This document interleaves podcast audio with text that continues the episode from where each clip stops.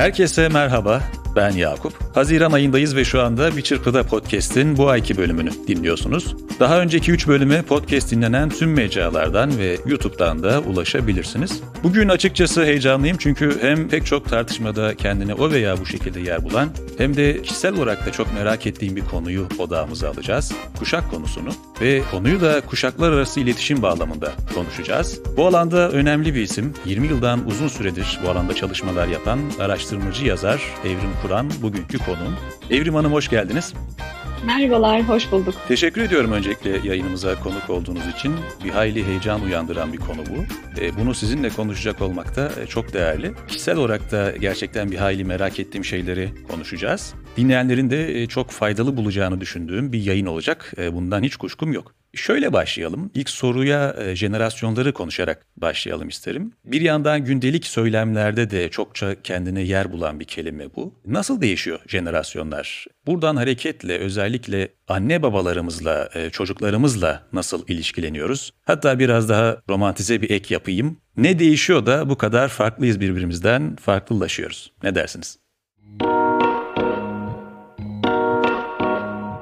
Öncelikle e, bunun artık jenerasyon kavramının günlük hayatta yer bulması e, beni çok sevindiriyor. Çünkü bu işlerle ilgilenmeye başladığım yıllar inanın böyle değildi. Kuşak nedir, jenerasyon nedir, niye var, e, ne gerek var böyle şeylere gibi daha primitif sorularla ilgilenmem gereken dönemlerden geliyorum buraya bir e, jenerasyon araştırmacısı olarak. O açıdan seviniyorum bir yanıyla. Bir kuşağı anlamak, bir dönemi anlamak. Sıklıkla vurguladığım şey bu. Dolayısıyla kuşakları anlamak, bugün içinde bulunduğu popüler düzlemin ötesinde geçmişi anlamlandırmak, yani geldiğimiz yeri, köklerimizi anlamlandırmak ve anlamak e, ve geleceği mümkün kılmak ve geleceği olanaklı kılmakla alakalı bir durum. Zamanın ruhunu okumaya çalışmak her dönemde. Sadece bugünü ve geleceği e, konuşmaz kuşakçılar.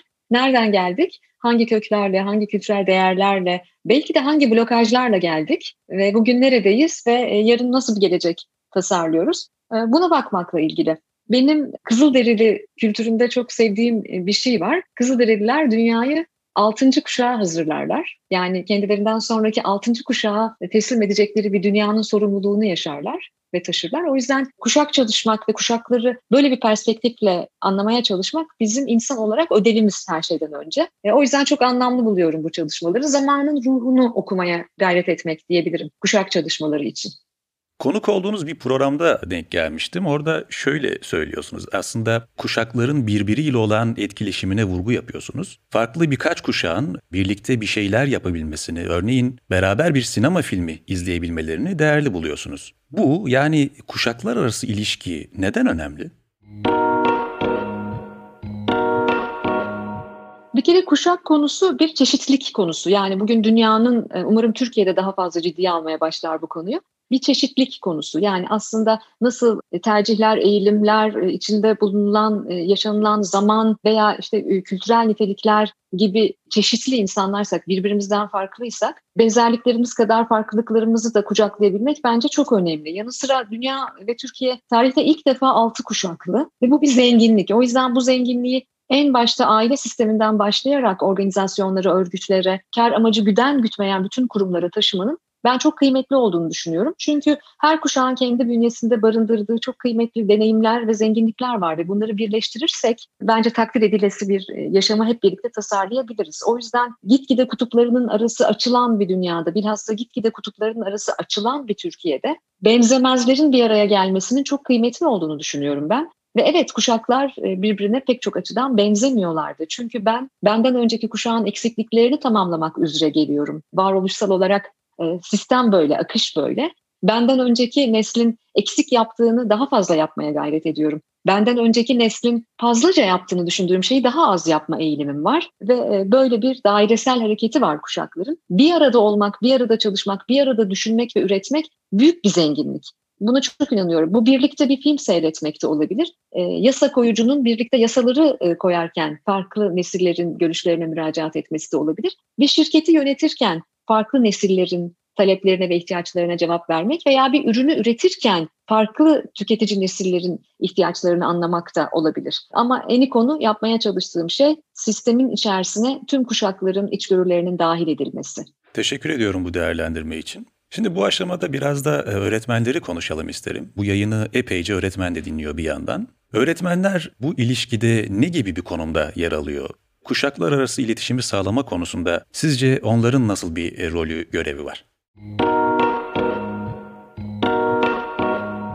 Yani bir kere dilimin ucunu ısırarak e, bu soruyu yanıtlamaya başlamak isterim. Çünkü e, öğretmenlerle ne zaman bir araya gelsek veya öğretmenlerin daha yoğun bulunduğu platformlarda ne zaman bildiklerimi paylaşma fırsatım olsa imtina ediyorum tereciye tere satmaktan. Çok kutsal ve çok zor bir meslekleri var. Bir öğretmen çocuğu olarak her birine tek tek selamlarımı ve sevgilerimi iletiyorum buradan. Öte yandan e, bu sorumluluk da öyle enteresan bir şey ki her şeyden önce insanın kaliteli yaşamının sürdürülebilirliğinin sorumluluğunu alan bir meslek öğretmenlik. O yüzden de öğretmenlik yaşam boyu öğrenci olmayı da gerektiren bir meslek. Yaşam boyu öğrenci olmakta e, o epistemolojik açlık diye tanımladığım yani sürekli merak etmek ve Nazım'ın deyimiyle gideni ve gelmekte olanı anlamakla ilgili bir merakı ve açlığı olması gereken bir meslek. Böyle bir mesleğin gönüllüsü olunuyor. Sadece maaşlı çalışanı, kadrolu çalışanı, bordrolusu olunmuyor. Gönüllüsü olunuyor bence ömür boyu. Bu açıdan çok kilit bir noktada eğiticiler, e, tüm eğiticiler her seviyede çok kilit bir noktadalar. Hem e, Türkiye'de şu anda üç farklı nesil öğretmen işte bir milyon Milli Eğitim Bakanlığı'na bağlı 1 milyon küsür öğretmenden bahsedecek olursak üç farklı nesil öğretmenimiz var ve bu üç farklı nesil öğretmen de yepyeni nesillerin inşasında çok e, kritik bir rol oynuyorlar. O yüzden onların sorumluluğunun neredeyse ebeveynlerden daha fazla olduğunu düşünüyorum ve daha da fazla empatiyi hak ettiklerini de düşünüyorum bu arada. Biraz e, haksızlık ettiğimizi de düşünüyorum öğretmenlere bir yanımla. E, bir de bir öğretmen e, meslek hayatı boyunca birçok farklı kuşakla bir öğrenme ortamında e, birlikte olan biri, bir aktör, bir özne. Hatta profesyonel kariyeri bitse dahi, emekli olsa dahi bu bir ölçüde devam ediyor diyebiliriz. Bu durum öğretmenlik mesleğine ayrı bir sorumluluk yüklüyor mu sizce? Biraz değindiniz aslında ama belki biraz daha açmak gerekebilir. Ne dersiniz?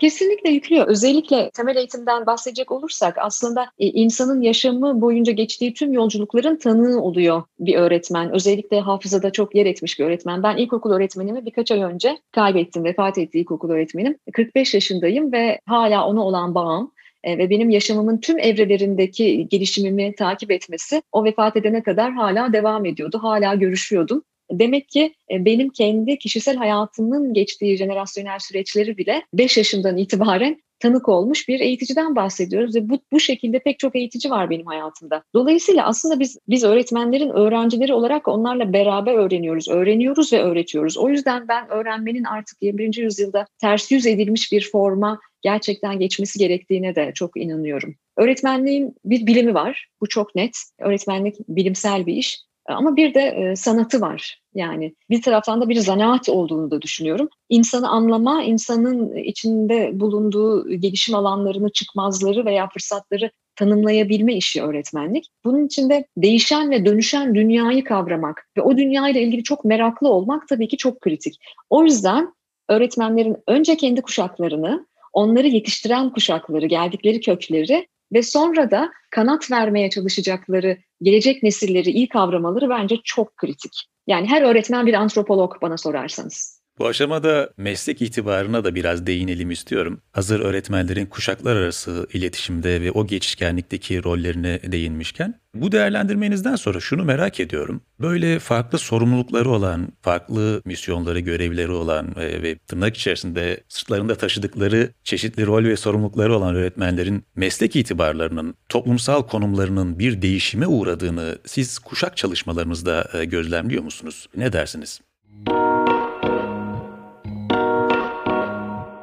bunu belki de pandemi öncesi ve pandemi esnası diye ikiye ayırabilirim. Ama pandemi öncesindeki pek çok küresel araştırmada Türkiye öğretmenlik mesleğinin itibarı anlamında hala çok yüksek sıralarda olan bir ülkeydi. Yani e, her ne kadar yaşam şartları ve finansal destek itibariyle dünyanın gelişmiş ülkelerine göre çok e, gerilerde olsa da Türkiye'de öğretmenler toplumsal itibar açısından hala çok itibarlı bir noktadalar. Ve fakat e, pandemi esnasında eğitimin değişen konteksti, değişen bağlamının tetiklediği bir gerçeklik var bizim özellikle Z kuşağıyla yani 20 yaş altı gençlerle, ergenlerle yaptığımız araştırmalarda öğretmenin fonksiyonunun bir miktar sorgulanmaya başlandığını gördük. Bunlarla ilgili çok kesin kanılarda bulunmak için çok erken. Yaklaşık 15 aydır pandemi etkisi altındayız. koskoca bir eğitim öğretim yılından biraz daha fazlasını yepyeni bir eğitim öğretim bağlamında e, deneyimlemeye başladı öğrenciler. Ve soru şu, acaba bu dijital platformlar kanlı canlı, e, duygusal bir varoluş olan öğretmenin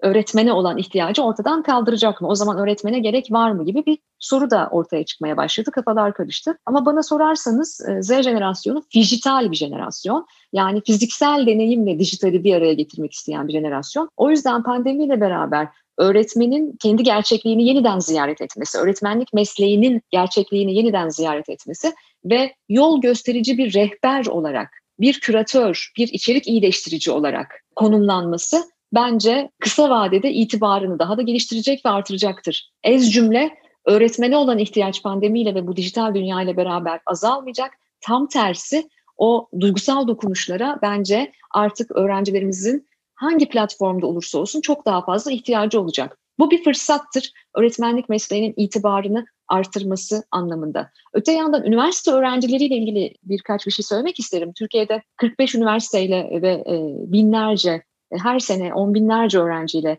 mezun olmak üzere olan öğrenciyle yaptığımız çalışmalarda ki bu sene 2021'de 90 bin küsür öğrenciyle çalıştık. Mezun olduklarında en çok yer almak istedikleri sektör son birkaç senedir eğitim sektörü olarak karşımıza çıkıyor ama bunu sorguluyorum. Bu acaba mesleğin itibarından mı yoksa gelecek garantili iş güvencesi olan bir mesleğe olan evrilmelerinden mi kaynaklanıyor? Bence ikincisi. Genç işsizliği derinleştikçe, genç işsizliği arttıkça Türkiye'de KPSS'ye gireyim ve öğretmen olayım ve kamuda daha sürdürülebilir bir, iş garantili bir e, hayatım olsun algısı yükseliyor. Bu ikisi arasındaki şeyi ayırt etmek bence çok kıymetli. Her meslekte tabii ki bu geçerlidir. Her meslekte olduğu gibi öğretmenlik mesleğinde biraz daha fazla e, bu işi gerçekten aşkla yapan, çok dedike genç öğretmenlere ihtiyacımız olacak bizim. Tıpkı kuşaklar öncesinden gelen öğretmen okullarından, köy enstitülerinden gelen öğretmenlerimizin taşıdığı ruh gibi.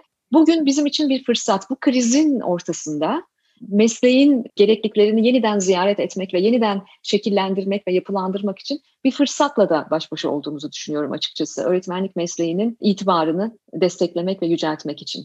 Ben bir yandan hem çocukluk hem de ilk gençlik dönemlerimi de hatırlamaya çalışıyorum. O zamanlarda böyle bazı şeyler çok gündemde olurdu, çok popüler olurdu. Bazı uğraşlar revaçta olurdu. E bunu meslek e, odağında da düşününce benzer bir sonuca varıyorum aslında. Tam da buradan şunu sormak istiyorum. Öğretmenlik ve benzeri önceki kuşakların gözünde itibarlı görülen mesleklere şu an nasıl bakılıyor? Bir değişim söz konusuysa sizce bu neden doğdu, nasıl oldu?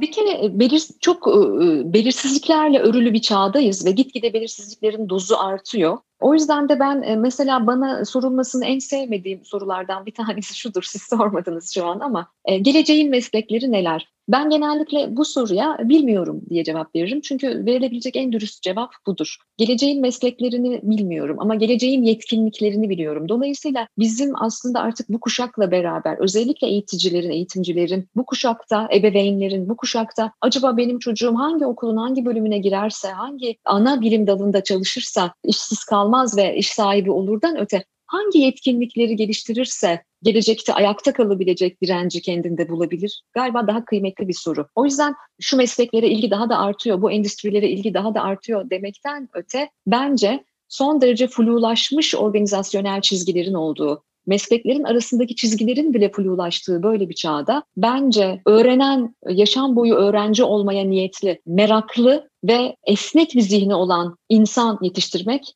bence bizim ana şiarımız olmalı. Hem ebeveynler hem öğretmenler olarak. Geleceğin meslekleri, en çok ilgi gören meslekler bugün böyle olabilir ama bu yarın değişecek. Her an her şeyin değişebileceği, değiştiği bir dünyadayız. O halde belirsizlikleri yönetmek için bizim neye ihtiyacımız var? Yılmazlığa ihtiyacımız var. Yılmaz nesiller yetiştirmek. Yedi kere düştüğünde sekizinci kez kalkabilecek nesiller yetiştirmek bence bugünün gündeminin en önemli maddelerinden biri olmalı. Evrim Hanım çok teşekkürler. Dolu dolu bir yayın oldu. Umuyorum dinleyenler de merak ettikleri şeylere dair yanıtları buradan almışlardır. Teşekkür ediyorum katkılarınız için. Ben teşekkür ederim davetiniz için. Herkese sevgiler.